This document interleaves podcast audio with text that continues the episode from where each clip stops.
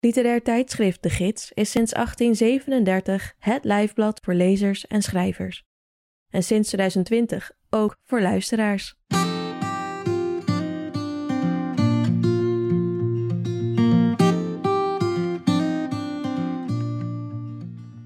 Je luistert naar de 56e aflevering van Sprekende Letteren, een podcast met verhalen, essays en poëzie uit de gids, voorgelezen door de schrijver of dichter zelf.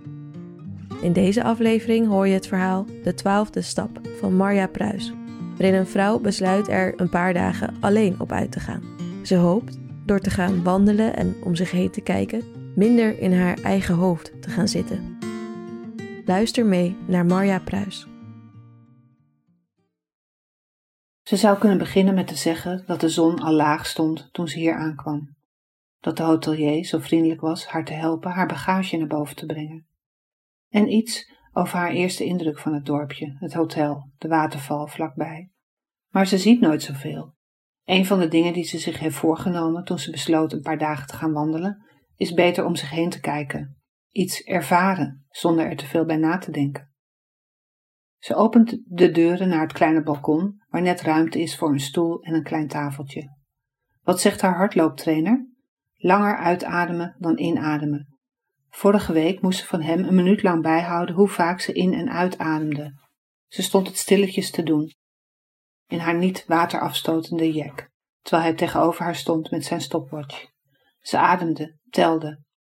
Hoe lang kan een minuut duren? Zestien ademstoten. Ze dacht dat hij versteld zou staan van haar rust, dat hij haar zou complimenteren. Je ademt als een dode, maar het tegendeel bleek waar. Acht is normaal, zei hij. Als ze weer terugstapt de kamer in, beseft ze vergeten te zijn naar het uitzicht te kijken. Wat ze ook zou kunnen opmerken is dat het niet bepaald afkoelt eind van de dag. De hotelier had haar een plattegrondje gegeven van het dorp, haar gewezen op een aantal restaurants waar ze later op de avond terecht zou kunnen. Het zou niet druk zijn in deze tijd van het jaar, maar als ze het op prijs stelde, zou hij voor haar kunnen bellen. Bij het hardlopen kan ze de verschillende gedaantes van zichzelf eruit lopen, maar nu ziet ze nog maar één personage voor zich. Het type vrouw alleen dat zich verschuilt achter haar zonnebril, smartelijk uit het raam tuurt of zogenaamd verzonken is in een verhalenbundel van Alice Munro. Daar zit ze, als in een schilderij van Hopper, op een hotelbed, een koffer aan haar voeten, vol praktische kleding en schoeisel, waarmee ze morgen de bergen ingaat. Al is bergen misschien een groot woord. Ze hoopt dat het een groot woord is. Als ze zou beginnen met eens om zich heen te kijken, zou ze zien dat het een groot woord is. Haar oog valt op een wit foldertje naast de waterkoker. Een gotisch lettertype op de voorkant omringd door een doornenkrans. Bij nader inzien is het lieflijker. Er zitten roosjes tussen de doornen. Mon Dieu staat er in maagdelijk blauw. Donnez-moi la sérénité d'accepter les choses que je ne puis changer, le courage de changer les choses que je peux, et la sagesse d'en connaître la différence. De regels resoneren in haar hoofd, vinden de vertaling. God, schenk me kalmte om te aanvaarden wat ik niet kan veranderen, moed om te veranderen wat ik wel kan veranderen, en wijsheid om het verschil hiertussen te zien.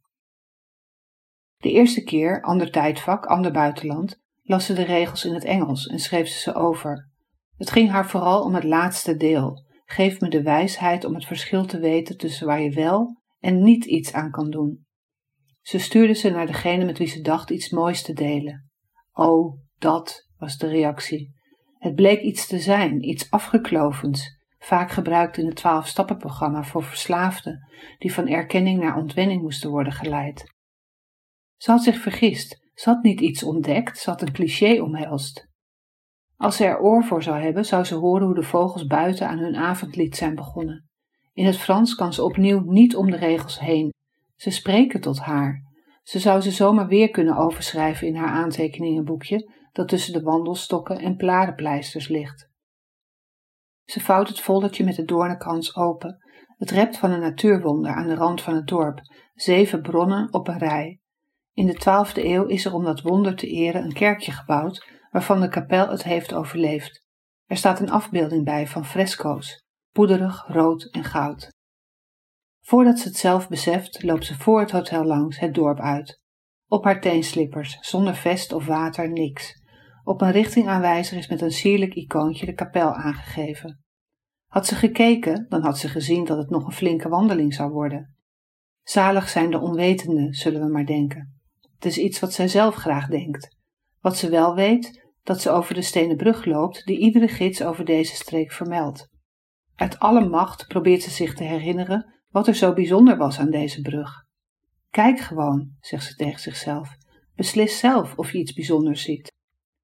Ze had het opgezocht toen, die twaalf stappen. Het klonk als iets waar ieder mens iets aan zou kunnen hebben, verslaafd of niet. Bij de eerste stap geef je toe dat je leven stuurloos is geworden. Bij de derde geef je je over aan een hogere macht. Zo simpel was het. Wat een hogere macht was, kon je zelf invullen, althans, zo denkt zij erover. Een hogere macht staat wat haar betreft gelijk aan een hoger plan, dat je ook zomaar kunt vinden in een wandelgids. Loop anderhalve kilometer rechtuit en neem bij de T-splitsing het zandpad links, dat lichtstijgend het bos ingaat. Bij de vijfde stap zie je je fouten onder ogen. Je bent te snel links afgeslagen, zo simpel kan het zijn. Het hele idee van het stappenprogramma is juist dat je het cliché aanvaardt. Je bent een mens, net als ieder ander. Niet meer, niet minder. Erken het gewoon. De roze lak van haar teennagels is aan het afbladderen. Weten wat je wel en niet kunt veranderen is wat haar betreft net zoiets als weten wat het verschil is tussen wel en niet iets onder ogen te hoeven komen. Morgen heeft ze haar wandelschoenen aan en ziet ze die hele tenen niet meer. Haar wandelgids heeft het over gestaag klimmen en dalen onder een hemelsblauwe lucht, dat het nergens technisch moeilijk zal worden, dat er telkens een beloning wacht in de vorm van een schitterend uitzicht dat geen dag hetzelfde zal zijn. Er worden rotsige hellingen beloofd met bloemenbezaaide velden. Nu is ze in een van de vele kleine plaatsjes waar de gids ook al zo lyrisch over is, dorpjes, vaak al in de middeleeuwen gesticht, met onooglijke kapelletjes die zomaar de mooiste fresco's bergen. Zo staat het er. Dat is toch wel echt het wonder. Zo lees je erover, zo ben je er. Kruip je als een glimwormpje over die aardbol, een spoor van glinstering achterlatend. Had ze de ene boom van de andere kunnen onderscheiden, dan had ze gemerkt dat de platanen langs de kant van de weg al langere schaduwen wierpen. Instinctief is ze al een tijdje aan de andere kant gaan lopen, waar de zon haar armen nog weet te vinden, haar blote benen. Haar telefoon is voldoende opgeladen en ze heeft bereik. Ook dat kun je tot de godswonderen rekenen. Al kun je je afvragen of iets een wonder genoemd mag worden als de begunstigde het zelf niet in de gaten heeft. Bij de negende stap toon je berouw aan de mensen die je schade hebt berokkend. Ze proeft het woord berouw. Het is het zusje van spijt, iets waar ze zich altijd verre van heeft gehouden. Denkt ze aan haar leven, dan probeert ze de streep voor ogen te houden die degene met wie ze iets moois dacht te delen voor haar ogen trok. Denkbeeldig, op de krant die tussen hen in op tafel lag. Kijk, had hij gezegd, zo ver mogelijk links op de krant met zijn vinger een stip plaatsend.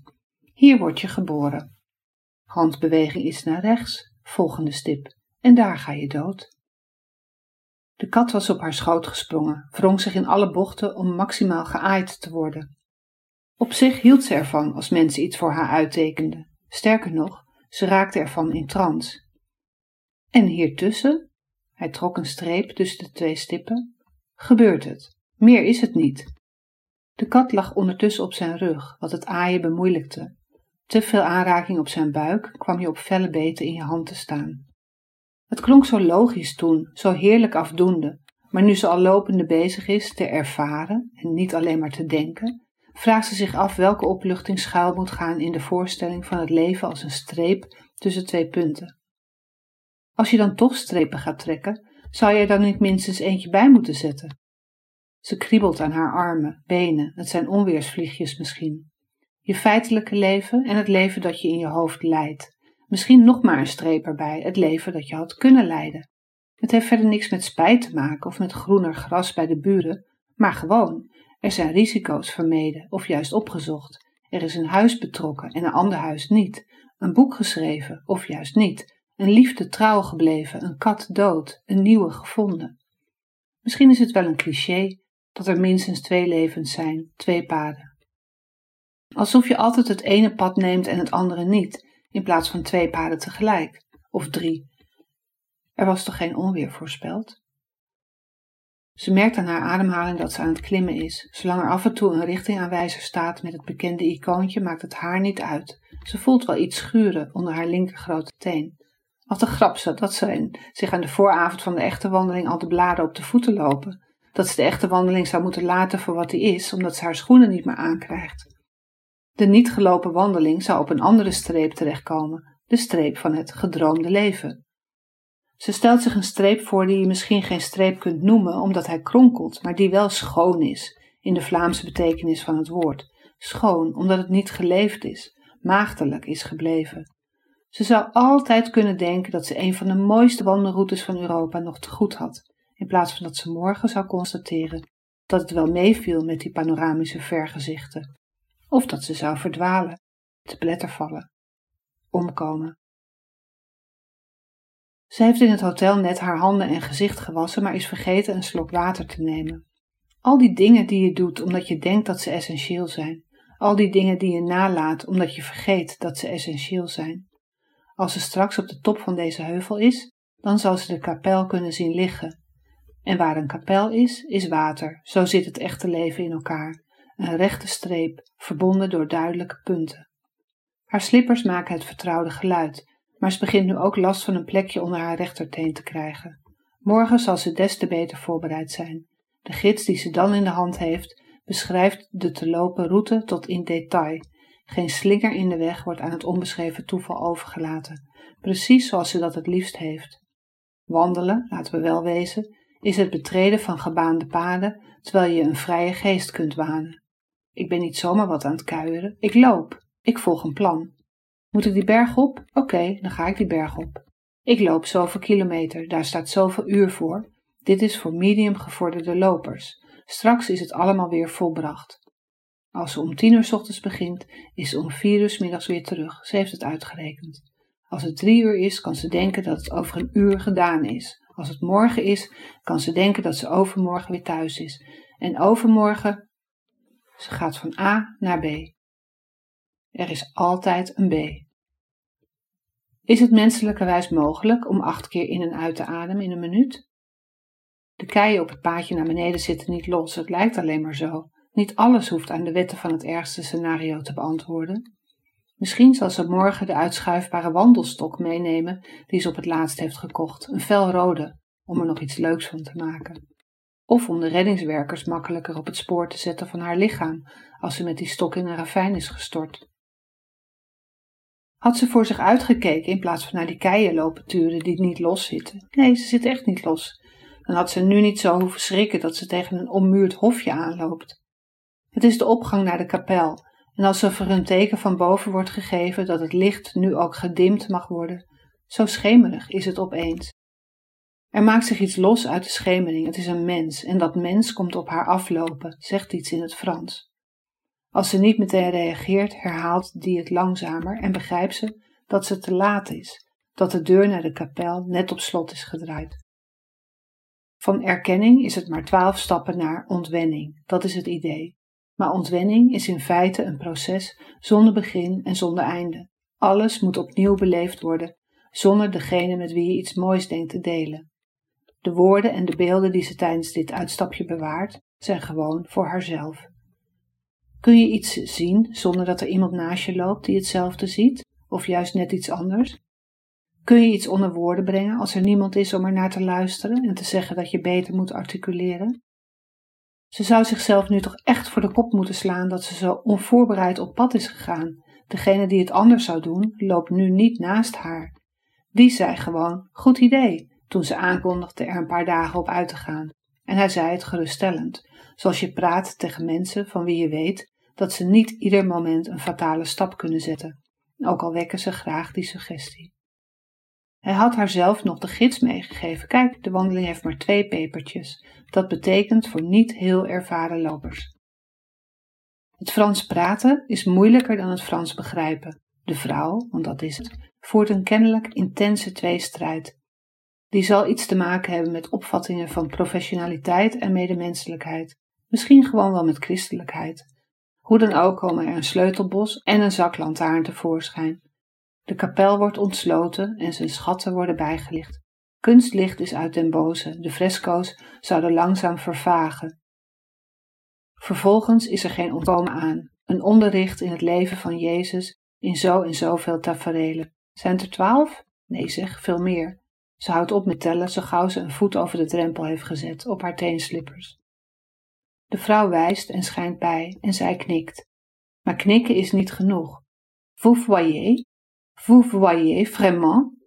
Ze moet laten blijken dat ze het ziet, dat ze het snapt. Naarmate Jezus ouder wordt, is dat een dringender kwestie. Besneden. Is Jezus besneden? Volgens deze fresco, deze kapel, deze mevrouw wel. Vous le voyez? Oui, oui, je le vois. Ze ziet het, echt. De duivel op de rug van Judas. Ja, ze knikt en ze zegt oui, oui. Ze ziet de horentjes, de staart die zich om zijn stoel kringelt.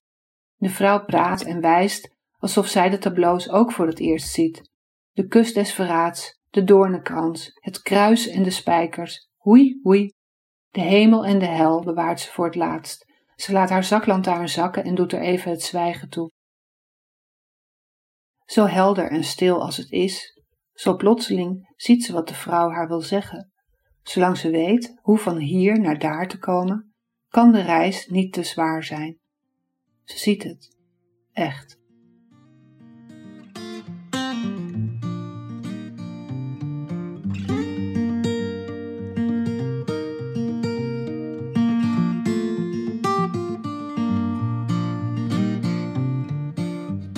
Je hoorde De Twaalfde Stap, een verhaal van Marja Pruis. Marja Pruis is redacteur van De Groene Amsterdammer.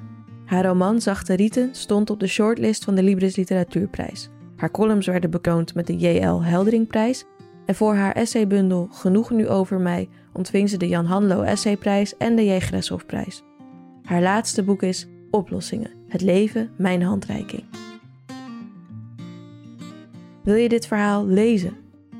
Alle bijdragen die je in sprekende letteren hoort zijn terug te vinden op onze website www.de-gids.nl. Wat je ook kunt doen op die website is een abonnement nemen op de gids. Vanaf 20 euro per jaar ben je al abonnee en steun je het oudste literaire tijdschrift van Nederland.